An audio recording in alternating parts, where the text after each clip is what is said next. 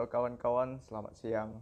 Jadi seminar kita akan dimulai sekejap lagi. Kita menunggu waktu. Ah, sudah mau jam 2. Jadi pas jam 2 pas kita akan memulainya langsung ya. Jadi kalau mengenai topik hari ini kita akan membahas tentang uh, study from home in the new normal. Jadi uh, kita akan mengundang seorang narasumber yang bernama Erwin uh, Erwin, Coach Erwin. Dia ini adalah seorang alumni PMCI. Jadi ini ada sebuah kehormatan karena kita dapat mengundang seorang inspirator yang sangat bi uh, bisa diandalkan. Bentar ya, biar saya invite.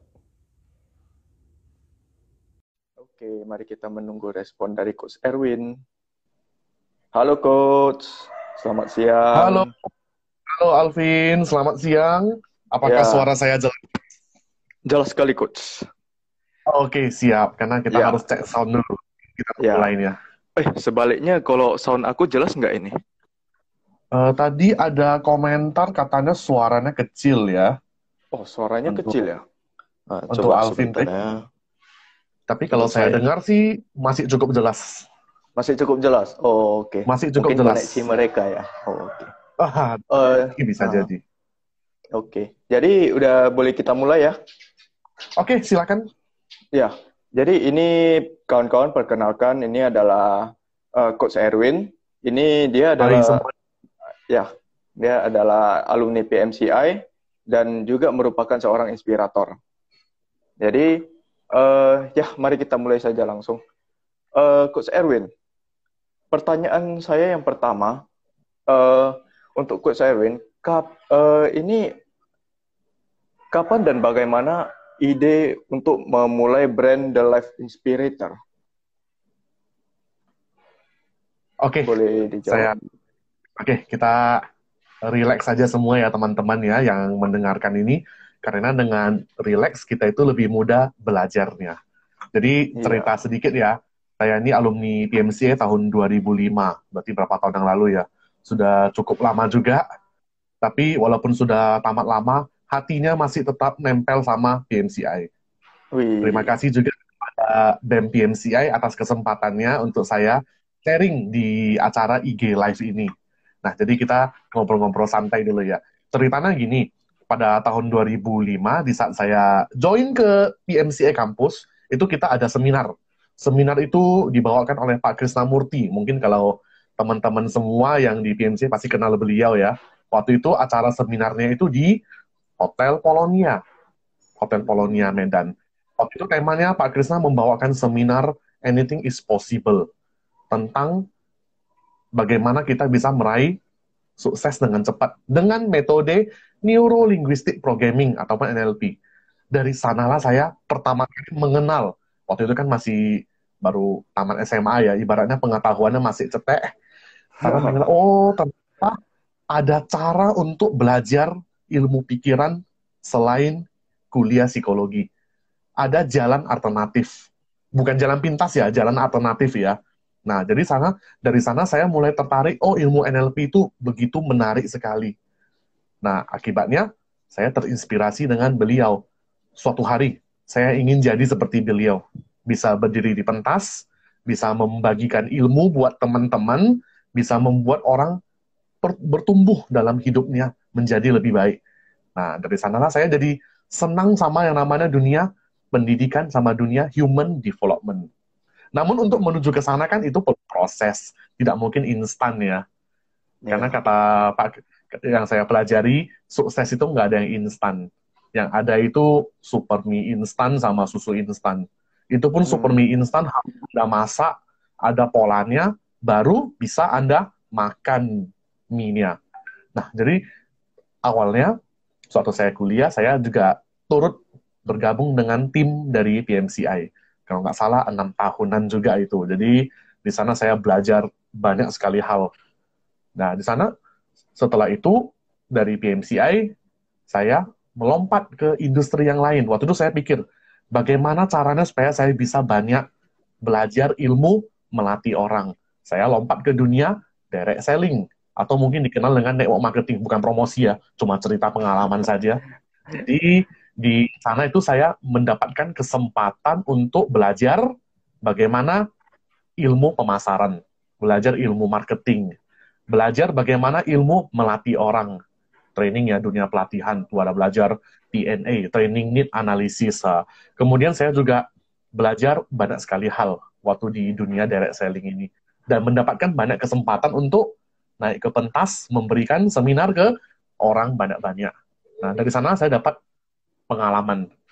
Memasuki tahun 2016, saya mulai membangun brand The Life Inspirator. Nah, brand ini adalah satu eh, rencananya mau dijadikan agensi training atau bisnis apa agensi pelatihan. Nah, hmm. waktu itu nanya kenapa namanya The Life Inspirator, bukan Life Inspirator saja.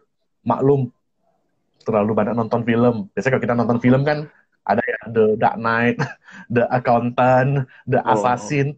Kayak pakai kata The lebih keren biar beda sama orang lain.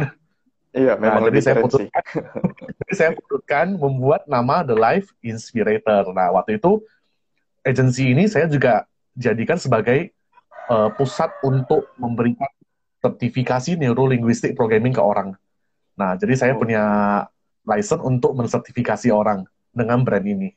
Waktu itu juga kita banyak lah ada membuat kelas-kelas ke perusahaan, kota-kota keliling lah ya, dari Jakarta ke Bandung, Surabaya, hingga ke Sulawesi Selatan, Makassar, Kalimantan. Ya, walaupun belum semua. Cita-citanya sih keliling Indonesia sih sampai Papua juga. Oh. Karena ingin melihat Raja Ampat. Nah, namun tahun 2019 kita tahu ya, terjadi sebuah perubahan besar ya. COVID-19 datang menyerangnya. Dunia training, jujur, agak terkejut pada waktu awalnya. Yang namanya training kan kita harus buat kelas, ketemu orang di meeting room. Tiba-tiba muncul peraturan Jakarta yang namanya PSBB, pembat apa pembatasan supaya tidak boleh ketemu sama ketemu orang sama sekali gitu. Akhirnya kita bingung, wah gimana ini nasib dunia pelatihan. Nah, pada masa itu kita langsung cepat berpikir, kita mau saya sama teman saya seorang coach juga yang terkenal dari Jakarta, beliau udah 15 tahun dan namanya Pak Arnold ya. Kita membangun satu brand baru lagi namanya Future Learning. Kita kasih nama Future oh, Learning karena inilah tren belajar di masa depan. Jadi kita akan banyak memasarkan edukasi training itu berbasis online seperti Zoom ini. Nah, jadi dari sanalah cerita lahirnya dua brand ini. Oh, sungguh menarik background-backgroundnya itu. Oh, tapi uh, kalau itu udah termasuk latar belakang yang kok ceritakan belum? Ada lagi nggak yang lebih spesifik lagi tentang pembangunan perusahaan ini? Oke, lebih spesifik ya.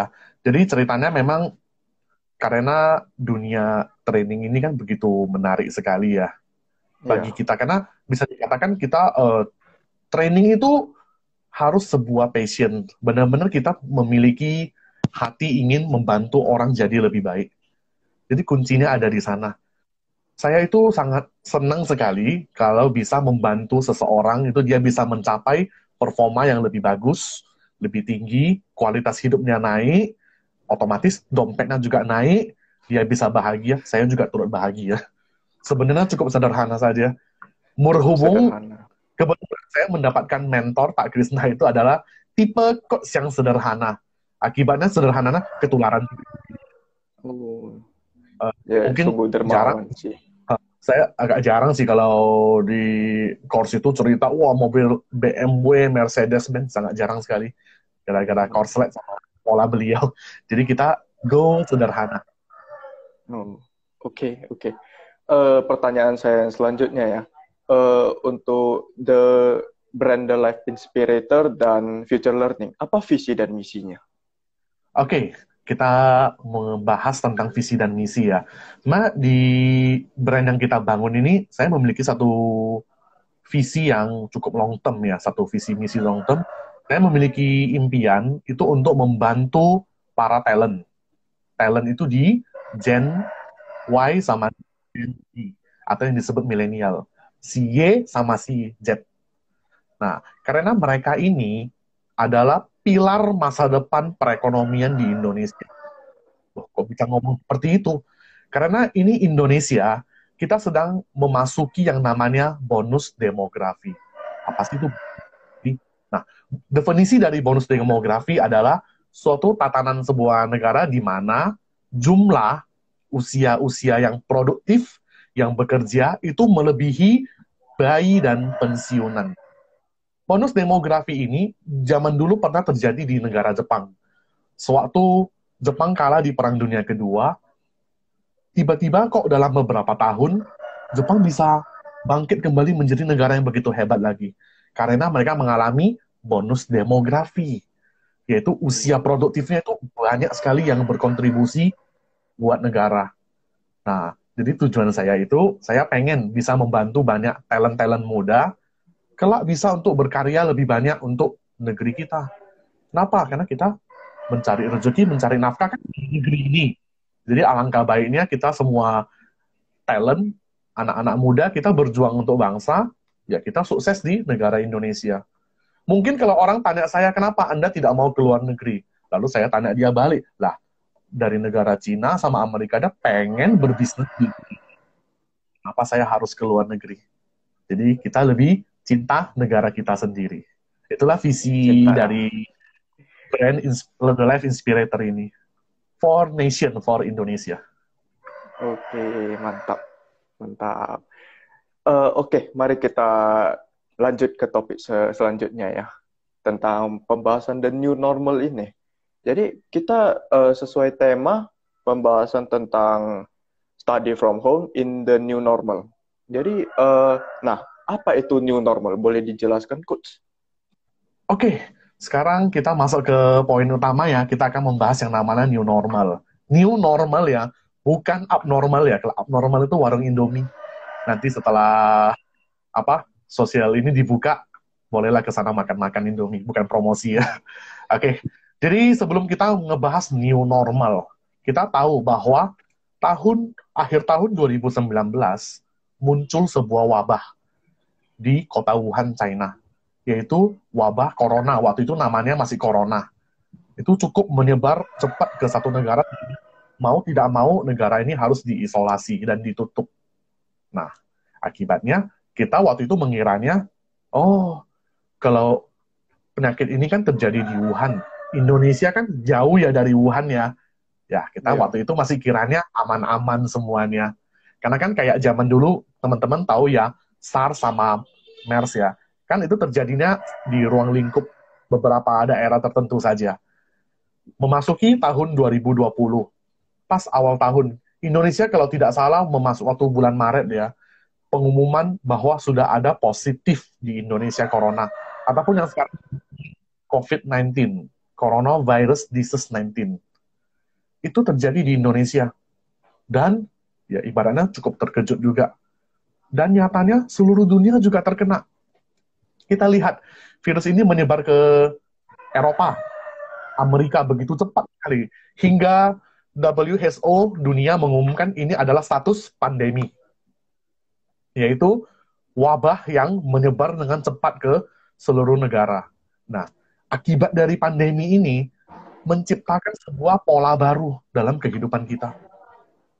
Kita dipaksa harus mengikuti pola ini karena perubahan ini terjadi secara global.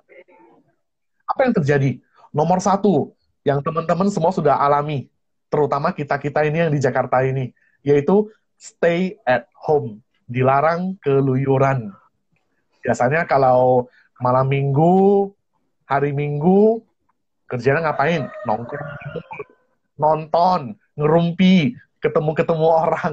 Sekarang semua dipaksa harus stay at home, tidak boleh ke mana-mana. Karena kita harus bekerja sama untuk memutuskan rantai COVID-19 ini. Akibatnya orang-orang disuruh untuk stay at home. Itu yang pertama yang terjadi. Kedua, terjadinya semua orang harus memakai masker. Zaman dulu, percaya nggak kalau pakai masker di luar dibilang orang apa? Itu orang sakit. Zaman dulu. Dan kita kalau pakai masker mungkin ada sebagian orang merasa aneh, risih. Sekarang ter Anda nggak pakai masker malah risih dan aneh. Terbalik satu. Nah, pola berikutnya yang terjadi lagi, sudah tidak boleh berjabat tangan lagi. Karena virus itu bisa menyebar ke lewat tangan. Ibaratnya bukan lewat tangan, nempel di tangan, kita jabat tangan dengan orang, nggak sengaja kucek-kucek mata, atau gosok-gosok hidung, eh virusnya bisa numpang masuk. Jadi ke depannya katanya yang paling terkenal itu salam yoga katanya, namaste katanya. Kalau ketemu orang cukup namaste kan. Jadi bule-bule juga nggak boleh salam peluk lagi, nggak boleh lagi. Nanti corona nempel. Nah, kita juga dihimbau sudah tidak boleh lagi menuju ke kerumunan ya. Jadi kalau yang namanya nonton konser ya saya mungkin udah agak susah lah untuk sementara ini ya. Semoga masa depan masih bisa. Nah, sama satu pola lagi, semuanya apa-apa delivery semua seperti yang kita nonton iklan. Bapak-bapak lagi duduk-duduk di rumah, tiba-tiba paket. Wah, ini kerjaan istri ini. Iklannya e-commerce.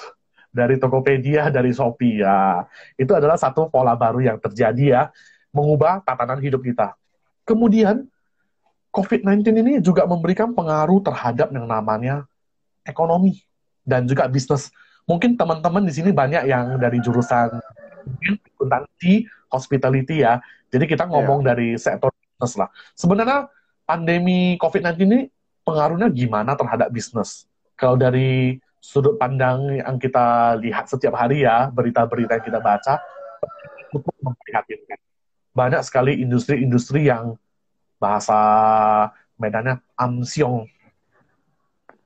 Jadi orang-orang Jakarta tanya saya amsyong itu apa? Amsyong itu setengah mati ibaratnya. Nah, Amsyong, saya kasih contoh aja. Saya punya banyak kenalan perusahaan tour dan travel. GM-nya pusing tujuh keliling. Semua tempat wisata ditutup. Penerbangan ditutup. Terus kita mau jualan apa? Orang-orang nggak bisa traveling, nggak ada nginap di hotel, semua di rumah. Jadi perusahaan travel sakit kepala. Pabrik-pabrik, banyak sekali pabrik-pabrik yang tutup ada beberapa pabrik yang diberikan kesempatan buka, mereka beroperasi juga pusing. Barangnya udah produksi, mau jual ke siapa, nggak ada yang beli. Jadi, kondisi sekarang ini, ibaratnya orang punya duit, nggak tahu duitnya mau diapain. Nggak bisa dipakai. Pada masa itu ya, dua bulan yang lalu. Kemudian saya juga baca berita-berita internasional ya. Wah, teman-teman tahu Virgin Air ya, yang diciptakan ya, oleh seorang toko motivator dunia yang hebat sekali. Virgin Air ada sampai kabarnya tutup. Beberapa cabang tutup di, seperti negara Australia. Bahkan saya dengar Benson kabarnya pulaunya. Ya mungkin jual pulau biar bisa bayar gaji kali ya mungkin ya. Nah, Burger King juga ada di beberapa negara yang tutup. Dan yang paling gawatnya itu adalah terjadi PHK di mana-mana. Karena perusahaan tidak sanggup bayar lagi. Nah, kunci pertama di sini. Syarat tidak di PHK, Anda harus jadi orang yang punya knowledge yang sangat tinggi. Punya pengetahuan yang banyak. Minimal, bos lihat, oh ini staff berharga saya. Jadi, oke okay lah, tidak di PHK dulu lah. Kalau kita isinya nggak ada, wah, gawat sekali. Supaya isinya ada gimana? Kita harus belajar. Nggak ada harus belajar. Nanti kita akan bahas lebih lanjut di bagian study from home. Nah, kita kok dari tadi ngomongnya terjadi yang namanya krisis ya, kok negatif mulu ya? Ada nggak dampak positif dari COVID-19 ini? Ada, ada. Yang pertama apa? Quality time. Saya tahu untuk orang-orang yang generasi karyawan ataupun pengusaha itu makin sibuk kerjanya, mungkin pulang rumah matahari udah terbenam. Banyak yang seperti itu. Atau mungkin teman-teman kita yang masih muda, yang masih kuliah, di Medan trennya sekarang apa dulu sebelum COVID? Nge-mall ya. Ke mall, nonton, nonton, keluyuran, gitu. nongkrong, gitu. ya. Nongkrong, mungkin quality time sama orang tua malah dikit ya. Iya, COVID-19 ini membuat kita semua untuk quality time dengan keluarga tercinta kita. Itu dampak positif pertama. Ini benar-benar saya lihat. Jadi orang-orang semua kebanyakan di rumah. Orang tua lebih banyak dengan anak, pasangan juga lebih banyak bersama, quality time lebih bagus. Dan yang kedua adalah saya baca berita itu ozon. Ozon bumi kan sudah rusak gara-gara global warming, pabrik, polusi dan segala macam. Itu kabarnya mulai tertutup. Kenapa? Pabrik-pabrik stop beroperasi selama tiga bulan. Akibatnya nggak ada pencemaran udara, nggak ada polusi, kan beberapa negara kan mereka menerapkan yang namanya lockdown. Lockdown itu itu benar-benar mobil nggak boleh jalan loh. Jadi kita lihat jalanan tuh benar-benar kosong banget. Akibatnya tidak ada polusi. Ozonnya lama-lama makin baik. Nah, lalu seiring waktu berjalan, COVID-19 ini, masih banyak orang berpikir, ah nanti setelah COVID ini selesai, semua akan kembali kayak dulu lagi. I'm sorry, that's not gonna happen. Itu nggak akan terjadi. Kita juga ada baca berita ya, Presiden Jokowi telah mengumumkan bahwa kita harus berdamai dengan COVID-19 bingung ya orang-orang, apa sih maksudnya berdamai dengan COVID-19? Setelah saya pelajari literaturnya, COVID-19 ini tidak akan hilang. Tidak akan hilang. Dia sama seperti penyakit-penyakit lainnya, TBC, HIV, SARS, atau beberapa macam, kan sampai sekarang masih ada semua. Mereka nggak akan hilang. Tapi kita manusia lah yang harus bisa beradaptasi dengan mereka sampai vaksin itu ditemukan. Untuk itu, lahirlah yang namanya the new normal. Secara definisi, new normal itu adalah karena kita kalau mempelajari sesuatu kan kita harus tahu dulu pengertiannya, definisinya apa. New normal itu kalau didefinisikan adalah tatanan baru atau pola hidup baru untuk beradaptasi dengan COVID-19. Semua harus baru. Nah, jadi kan tadi kita teman-teman udah tahu ya yang saya bahas di awal ya, sosial social distancing, cuci tangan, pakai masker itu jadi sebuah pola baru yang harus diterapkan di the new normal ini. Namun ada juga beberapa tren-tren baru yang berubah di new normal ini. Pertama itu hiburan online. Sini teman-teman siapa yang langganan Netflix, iFlix, View, saya yakin pasti banyak sekali. Kenapa? Di rumah katanya berkantor nonton Netflix, uh, iFlix, View. Pokoknya sejenis hiburan online.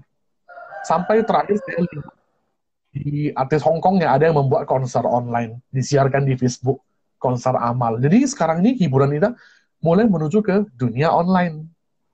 Teman-teman mungkin yang belajar marketing, pernah belajar marketing 4.0. Pernah dengar ya istilah marketing 4.0? 4.0. Itu adalah marketing di era digital teknologi. Zaman 2-3 tahun yang lalu itu sudah terjadi marketing 4.0. Waktu itu semua orang mulai belajar bagaimana transisi ke ekosistem digital. Dan masih banyak orang yang bandel tidak mau berpindah ke digital. Definisi pindah itu bukan berarti meninggalkan offline ya, tapi integrasi. Sekarang ini mau nggak mau semua wajib harus bisa mengikuti dunia online ini tren baru yang kedua adalah study from home. Nah, sesuai dengan tema kita hari ini. Study from home itu bukan akal-akalan kita buat judul ini, bukan. Tapi memang adalah tren baru yang akan dijalani di kehidupan new normal ini. Study from home. Dengan dengan apa? Online education. Saya yakin teman-teman di sini kan banyak kuliah pakai Zoom ya sekarang ya. Awalnya gimana yeah. perasaannya? Pasti aneh, pasti aneh. aneh Merasa risih aneh banget sih kuliah lewat Zoom ini emang bisa dikontrol pesertanya lewat Zoom namun walaupun menjalani kuliah dengan Zoom di Jakarta semua ke kegiatan perkantoran pakai Zoom semua meeting pakai Zoom jadi nggak ada yang aneh presentasi ke CEO business plan pakai Zoom prospek ke klien sekarang yang mau jualan, jualan apa pun lah, jualan perbankan, jualan asuransi, jualan produk, jualan jasa, pakai Zoom. Jadi nggak ada yang aneh sebenarnya. Awalnya karena kita nggak terbiasa. Karena satu rumus yang namanya perubahan, manusia itu selalu terjadi resisten. Aduh, sulit. Belum apa-apa, hambatan mentalnya muncul dulu. Aduh, sulit. Namun setelah dicoba 2-3 bulan, sekarang terbiasa nggak? Kuliah Alvin? Tidak mulai terbiasa terbiasa. Nah, nanti waktu di kehidupan yang normal, nanti bagi teman-teman yang udah tamat, mulai berkarir, atau entrepreneur, mau nggak mau harus pakai Zoom. Ya, semua sih bukan mau di Zoom ya sebenarnya ya. Karena kebetulan dia yang lagi terkenal sih. Kebetulan doang sih. Iya. nah, tren baru itu work from home. Saya mendapatkan berita Google sama Twitter itu membolehkan karyawannya itu work from home hingga 2021. Bayangkan. sekelas Google sama Twitter sudah mulai memperlakukan itu. Dan yang berikutnya adalah semua bisnis ini harus integrasi ke online. Itu adalah tren yang berikutnya. Nah, jadi kurang lebih ini adalah sharing singkat tentang yang namanya kondisi the new normal. Hmm. Jadi ya new normal ini tidak selamanya negatif ya. Ada tetap ada sisi positif yang kita bisa ambil dari uh, suatu kondisi gitu ya. Oke, okay. uh, eh, mari kita lanjut lagi ke pertanyaan selanjutnya. Nah, uh, boleh sharing tidak coach? Gimana strategi dan apa saja tips-tips untuk study from home untuk kawan-kawan kita ini? Oke, okay, sekarang kita akan ngebahas yang namanya study from home ya. Saya yakin awalnya masih pada risih dan bingung semuanya. Karena kenapa? Belum tahu caranya gimana. Saya yakin tren yang namanya study from home ini itu terjadi ke semua orang. Baik dia adalah seorang CEO perusahaan, seorang general manager, seorang manajer perusahaan, seorang murid, mahasiswa, mahasiswi, entrepreneur atau pengusaha-pengusaha. Semua itu sekarang kalau mau belajar sesuatu itu mau nggak mau itu harus belajar dari rumah karena sudah nggak bisa keluar untuk kursus online. Saya yakin sekarang juga orang-orang mau keluar ke meeting room ya rame-rame sama orang ke kelas seminar orang masih takut sekarang masih takut belum ada yang berani untuk akibatnya mau nggak mau mereka itu kan kebanyakan stay at home. Kalau udah stay at home daripada nonton drakor kebanyakan ya kita belajar. Nah kita belajar itu lewat mana sekarang? Banyak. Jujur ya yang namanya study from home ini sudah saya lakukan cukup lama sekali. Ya sekitar 7-8 tahunan.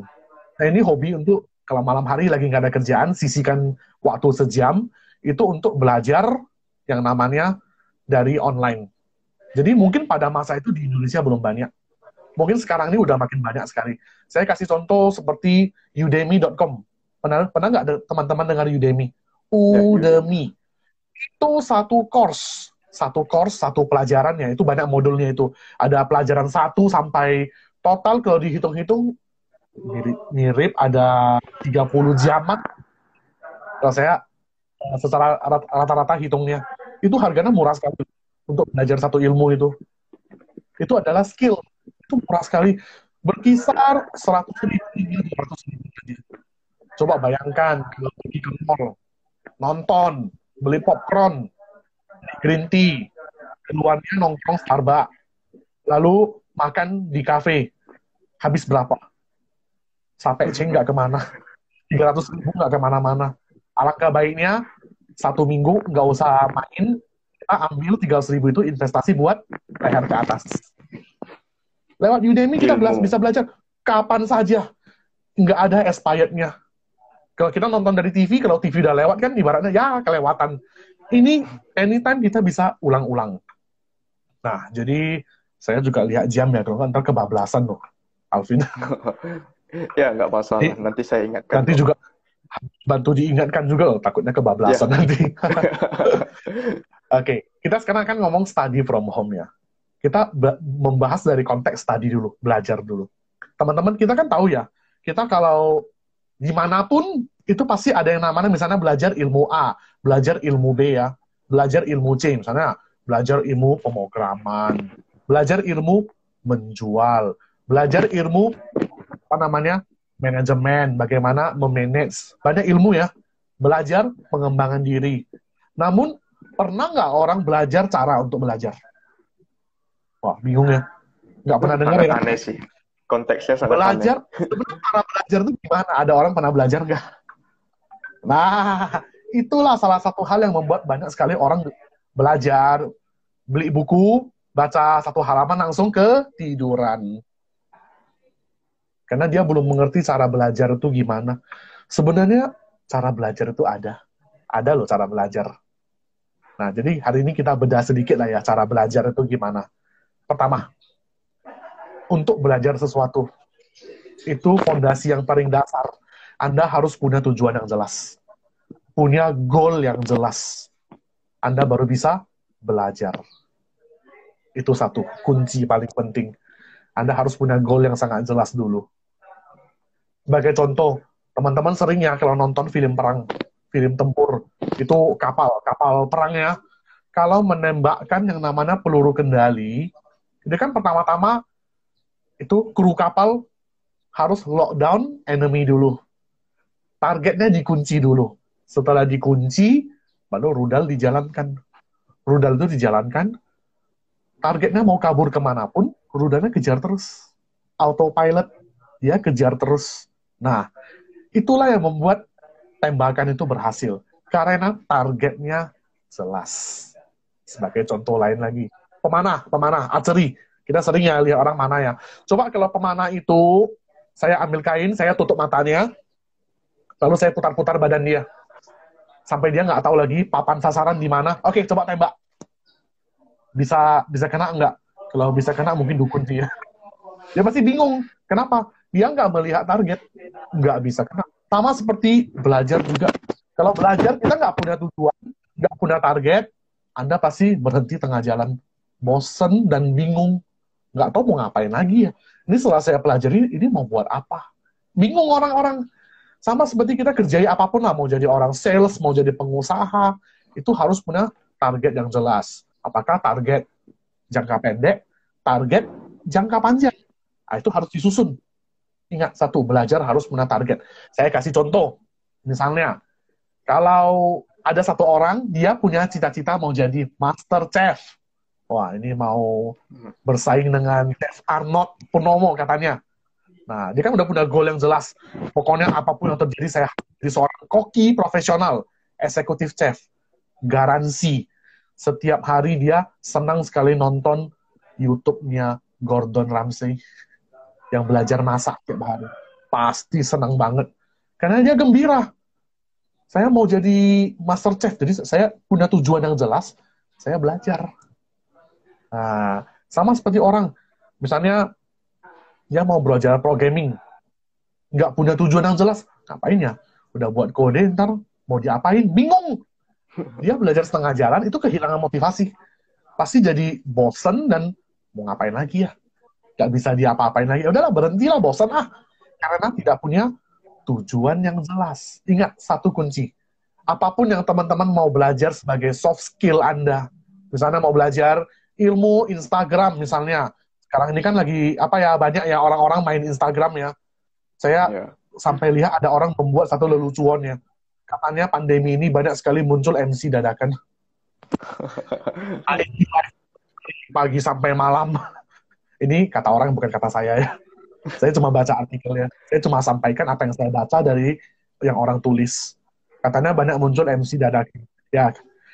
Nah, jadi kita benar kalau mau belajar Instagram, tekniknya gimana? Cara riset hashtag gimana? Cara membuat konten gimana? Kalau kita punya tujuan yang jadi kan belajarnya lebih asik.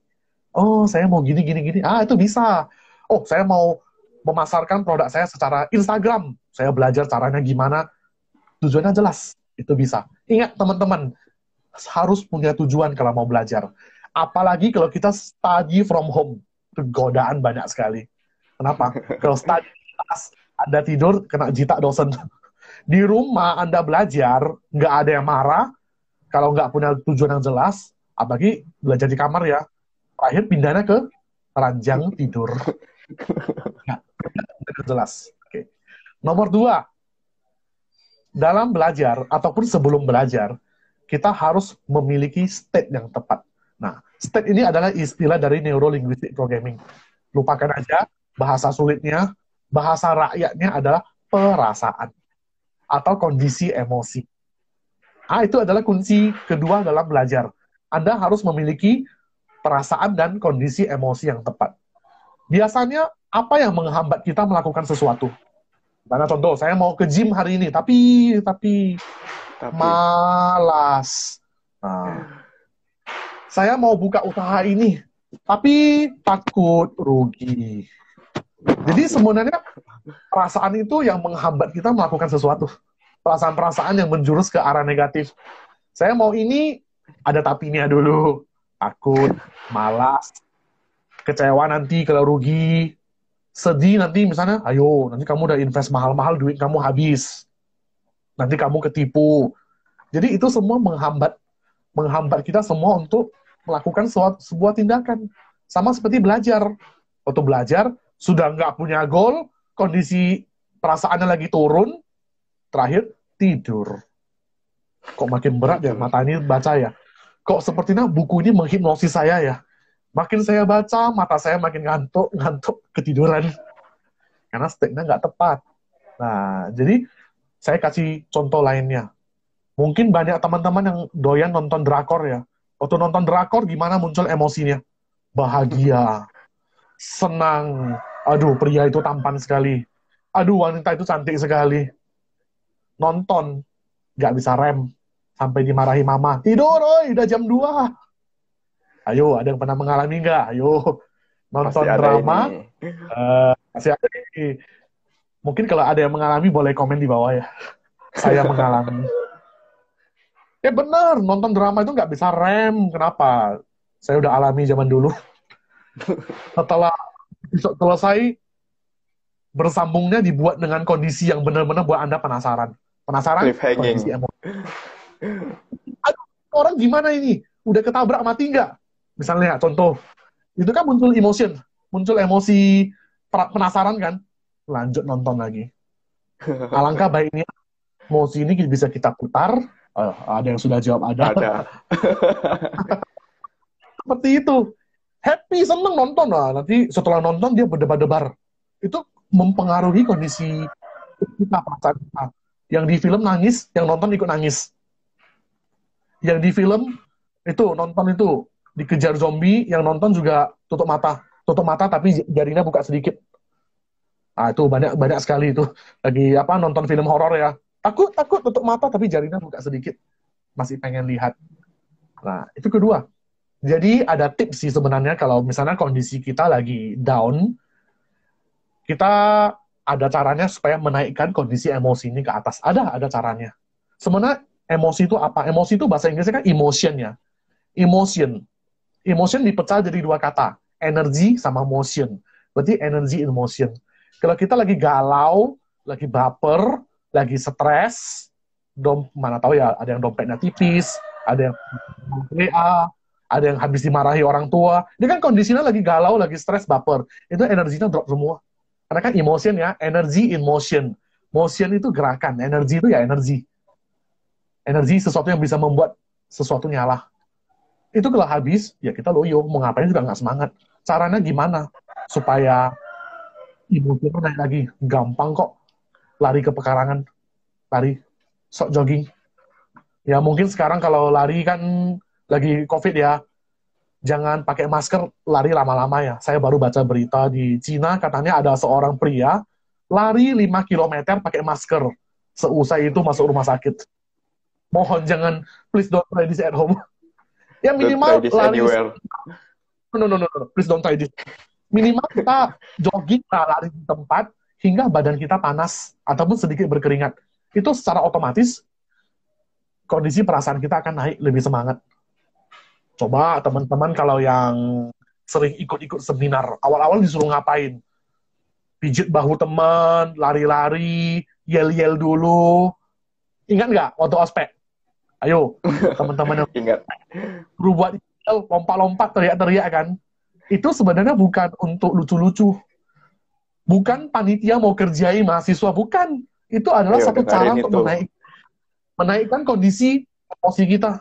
Supaya energi kita naik, kita jalani ospek lebih semangat.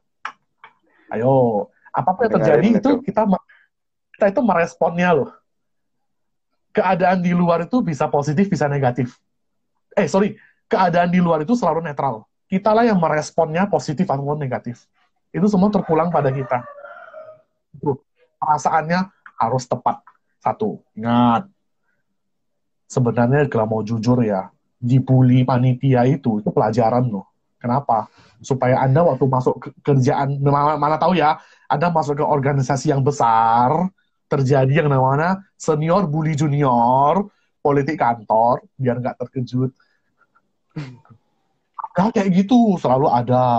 Siapa ini anak baru ini kok belagu banget? Nah, ada itu. Jadi sebenarnya jujur ya ospek itu bagus sebenarnya. Jadi teman-teman yang pernah di ospek jangan kesel sama panitia. Minta tanda tangan ditolak. Eh belum Contohnya, itu ada contoh kasus di dunia nyata. Anda buat proposal meminta dana 100 juta ke bos, ditolak. Nah, sama kan? Sama kayak tanda tangan ditolak kan? Jadi ospek yang dilakukan BMCI itu, sampai hari ini setelah saya belajar terus meneliti, benar, itulah sebenarnya terjadi di dunia dunia nyata. Itu terjadi sekali di dunia nyata. Yang dilakukan terjadi di ospek itu. Ada leader ya, berarti kan sama, Anda ikut manajer waktu itu ada yang mengatakan siapa mau jadi ketua. Nah, kalau Anda volunteer jadi ketua, lumayan. Dapat belajar leadership. Biasa leadership mau dibelajar di tempat lain kan belum tentu ada kesempatan. Nah, di sini Anda punya kesempatan untuk belajar kepemimpinan. Itu satu. Berikutnya, yang ketiga kalau dalam belajar, siapkan pen warna-warni. Catat poin-poin yang Anda pelajari. Dilingkari, dikasih gambar, dengan warna-warni. Itu akan sangat cepat teresap ke dalam pikiran kita, alias pikiran bawah sadar. Itu cepat sekali. Saya ada bukti untuk state. Sharing sedikit deh ya. Kita kilas balik ke waktu saya SMA dulu. Saya ini dari kota Pematang Siantar, lulusan SMA metodis. Mana tahu ada teman-teman dari sekolah metodis Pematang Siantar, boleh hello-hello juga ya. Nah, zaman dulu kan kita mau UN, mau UN ya, biasalah ya. Anak SMA kan malas belajar ya. Setelah malas belajar, ini cerita saya netral ya, bukan mengajari yang tidak benar ya. Ini saya cuma sharing apa yang saya lakukan. Karena ujian malas menghafal, apa yang saya lakukan? Biasa, membuat ton, teka di kertas. Lalu buat kertas kecil-kecil. Ditulis fokus sekali kunci jawabannya. Tulisnya fokus sekali kunci jawaban. Tulis ya, fokus setelah tulis, masukkan ke dalam jam tangan. Biar nggak dirajin. Karena kan saya tulisnya itu malam hari. Besok paginya setelah tulis semua, besok paginya waktu ujian nggak jadi nyontek. Kok jadi ingat ya semua ya? Anda tulis dengan fokus itu masuk ke pikiran. Jadi besok saya ujian UN tidak jadi nyontek karena ingat semua langsung. Untuk itu kita belajar apa pun, catat. Saya tahu zaman sekarang banyak sekali orang malas mencatat. Pergi ke seminar, slide-nya diapain? Foto, cekrek. Kalau nggak foto, minta slide-nya dong. Setelah minta nggak, ada yang baca nggak? Saya garansi nggak ada yang baca. Minta enak doang, oh, minta minta slide, tapi slide nggak dibaca. Paling bagus kita tulis. Kita tulis, itu masuk ke pikiran dengan cepat sekali. Ini sudah saya ujikan waktu ujian UN dulu. Sorry ya ceritanya agak nakal dikit ya tujuannya mau nyontek tapi gagal karena berhasil berhasil untuk mengingat semua apa yang saya tulis. Untuk itu tulis. Jadi ini tiga tips ya untuk study from home. Jadi saya rangkum sekali lagi. Nomor satu harus punya tujuan yang jelas, goal yang jelas. Dan goal ini harus tertulis juga. Karena kalau nggak tertulis, namanya mimpi di siang bolong. Kedua, Anda harus belajar pada kondisi perasaan yang tepat kondisi lagi lagi seneng. Jangan waktu lagi galau. Supaya energinya cepat naik, tidak galau, jogging aja. Ya mungkin sekarang belum boleh nge-gym ya, karena tempat gym masih tutup semua ya. Ya sabarlah. Tunggulah nanti the new normal datang, tapi tetap harus ikuti protokol kesehatan. Satu, harus wajib. Kalau enggak nanti, ya gelombang kedua COVID lagi, pusing lagi kita nanti. Kapan habisnya jadinya? Dan yang ketiga, catat bila perlu digambar. Anda kalau gambar, pikiran bawah sadar itu senang sekali melihat gambar, visualisasi. Jadi kita belajarnya cepat sekali. Kita sesuatu dibayangkan, oh dibayangkan. Karena kita belajar ya, Thomas Alva Edison menciptakan lampu setelah seribu kali gagal. Pikiran bayangkan, oh Thomas Alva Edison punya hidung, punya mata, punya mulut, rambut mukanya agak kotor kenapa bola lampunya meledak seribu kali jadi muka jadi oh akhirnya menciptakan bola lampu dengan visualisasi kita belajar itu cepat sekali hmm. ini dulu teman saya itu pakar matematika dia mampu loh memvisualisasikan kasus-kasus zaman dulu saya visualisasikan error angka-angka semua dia sanggup memvisualisasikan satu teknik juga ini oke jadi mungkin ini merangkum ya tiga poin teknik untuk study from home. Jadi teman-teman jalani. Sebenarnya sih masih banyak. Karena kita waktunya terbatas ya, cuma sejam ya. Iya. Nggak mungkin bisa ngomongnya, malah kebablasan, diusir di Instagram. Jadi, tidak. Lakukan aja. Karena ini yang saya lakukan setiap hari. Ini aja dilakukan. Anda belajar di rumah semakin fun. Semakin rasanya asik dan seru. Sama seperti nonton drakor. Nonton drakor asik kan? Uh, yeah. Karena Anda bahagia. Belajar kenapa bete? Karena Anda galau, nggak bahagia. Coba Anda tukar. Lihat, kenapa anak kecil itu cepat sekali belajarnya? Karena dia bahagia mulu, nggak pernah stres. Belum mengenal yang namanya sakit hati. Ke makin usia, makin dewasa, aduh, kena PHP ini nih, kecewa ini, sakit hati. Semakin banyak pikiran, jadi susah belajarnya. Makanya Pak Ikmaboti menciptakan papan The Booming Board Game itu benar bermain kita belajar. Ini satu kunci benar. Belajar sambil bermain, bermain sambil belajar. Ya, mungkin itu adalah sharing dari point study from home. Semoga bisa memberi manfaat. Oke, ya, terima kasih Coach Erwin. Terima kasih sharing uh, tips-tipsnya yang sangat bermanfaat ya. Uh, untuk selanjutnya, apa pesan Coach Erwin untuk teman-teman kita mahasiswa dan mahasiswi PMCI? Oke, pesan dan kesannya. Oke, gini. Pertama-tama itu, kita harus peka terhadap yang namanya perubahan. Perubahan itu akan terjadi terus. Bayangkan ya zaman dulu, mesin ketik. Mesin ketik menuju ke komputer yang layar hitam. Saya yakin di sini masih ada nggak yang pernah pakai komputer layar hitam? DOS. Zaman dulu masih namanya WordStar. Dulu belum ada namanya Excel, namanya Lotus 123. Lalu ada belajar di base. Saya yakin Pak John pasti tahu ini semua. Kita dulu pernah belajar semua. Generasi-generasi komputer layar hitam. Disketnya masih besar. Taruh ke dalam kunci. Sekarang flash disk 100 giga. Astaga. Dulu waktu keluar disket aja baru 2,4 mega sekarang Anda pakai smartphone foto satu foto 3 mega. Nggak muat taruh di disket, nggak muat. Setelah itu muncul dunia handphone ya dari poli, dari monoponi, poliponi, 3G, video call zaman dulu ya. Apa itu? Sony Ericsson K800. Ayo, kalau ada yang tahu Sony Ericsson K800 ya mungkin usianya udah ketahuan deh. Baru muncul era Android. Eh sorry, BlackBerry dulu. BlackBerry. BBM. Kenapa semua orang doyan BBM? Tahu nggak alasan kenapa semua orang doyan BBM? Gratis. Karena gratis. Kalau Indonesia doyannya gratis-gratisan. Setelah BBM muncul era Android. iPhone sampai hari ini. Belum ada yang baru ya. Kayaknya sih terakhir masih teknologi Android sama Apple ya. iOS. ya. Saya belum yeah. iOS ya, saya belum saya belum dengar yang baru ya mungkin ya. Ya, mungkin sampai sana dulu lah. Paling yang baru teknologi terbaru apa? Handphone lipat. Samsung keluarkan handphone lipat. Nah, paling itu yang paling baru. Tapi perubahan ke depannya kita nggak tahu. Bisa aja ke depannya muncul kayak itu kalau Anda nonton Avenger, Tony Stark, layar hologram. Bisa. Bisa aja terjadi di masa depan. Kita nggak akan tahu apa yang terjadi. Kita harus peka terhadap perubahan. Harus belajar perubahan-perubahan.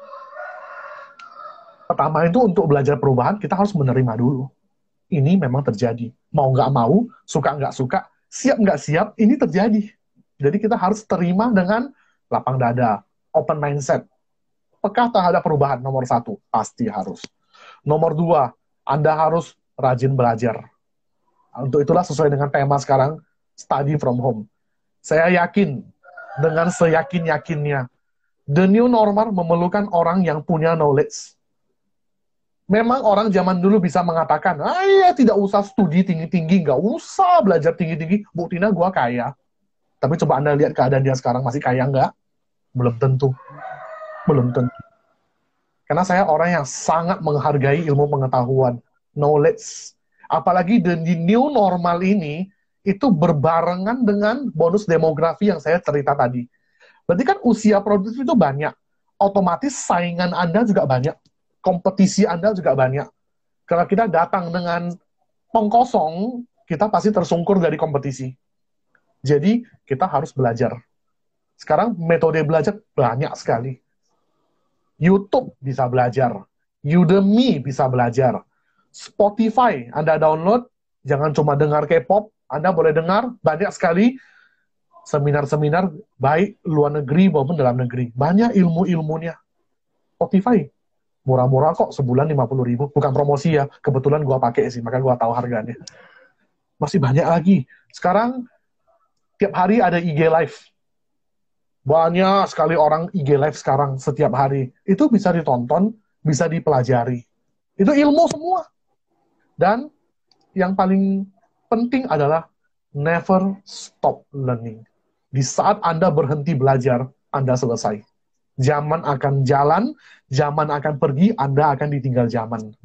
Ini nggak usah pakai ilmu ramalan siapa pun, nggak usah cari dukun untuk meramal, Anda pasti ditinggal zaman kalau Anda tidak belajar benar-benar dari sekarang.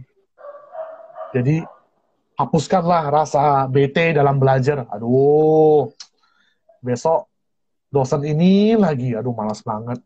Kenapa? Belum tahu tujuannya apa. Coba bayangkan, eh, bro, ilmu yang Anda pelajari ini kelak bisa jadikan modal untuk buka bisnis miliaran, mau nggak? Dengar miliaran, oh iya mau, mau, mau. Pasti mau, karena tujuannya jelas. Ya, tipsnya adalah ya mungkin sudah mau jam 3 juga ya. Nah, itulah tipsnya. Yeah. Mungkin kita spare ya. Harusnya tadi 10 menit ya, apa Q&A ya. Ini kebablasan sih 5 menit. Ya, mungkin Ya, mungkin sudah kalau Q&A kayaknya udah nggak sempat ya, soalnya uh, pertanyaannya nggak mungkin singkat-singkat ini nampaknya. Oh iya. Iya. Ke kebanyakan sih penjabarannya juga lumayan juga sih. Iya, makanya itu. Kok nggak gini aja lah, kita ya kita apa-apa. Buka, kita buka apa kesempatan. Jadi nah, mungkin kalau bagi yang mau bertanya boleh japri ke BMPMCI ataupun ke saya. Nanti kalau ada iya. pertanyaan ya. tinggal di forward, jawab. Oke. Okay mau versi, mau jawab dalam versi ketikan boleh. Kalau belum puas jawabannya dalam versi ketikan, saya telepon pakai WA call, boleh. Masih belum puas di coaching dengan Zoom juga boleh. Dan pastinya gratis. PMCA, masih CPMC gratis, tidak dicas biaya. Wah, terima kasih ya, banyak coach. Siap berbagi ilmu. Oke, okay, jadi mungkin ya. semoga lah yang sharing singkat ini walaupun cuma sejam bisa bermanfaat bagi teman-teman. Jadi saya kembalikan ke moderator Bro Alvin dulu. Ya, ya jadi terima kasih ya Coach uh, atas uh, waktunya dan ilmu-ilmu yang disaringkan kepada kami. Jadi karena waktunya sudah mau habis, mari kita tutup saja. Oke? Okay? Oke, okay, siap. Terima kasih banyak. Terima kasih atas undangan dari BEM Is and Thank you very much. Sama-sama Coach, terima kasih juga. Oke. Okay. Semoga kita bisa ketemu lagi di sesi berikutnya. Sampai ketemu lagi. Bye. Sampai ketemu lagi, Coach. Ya. Bye.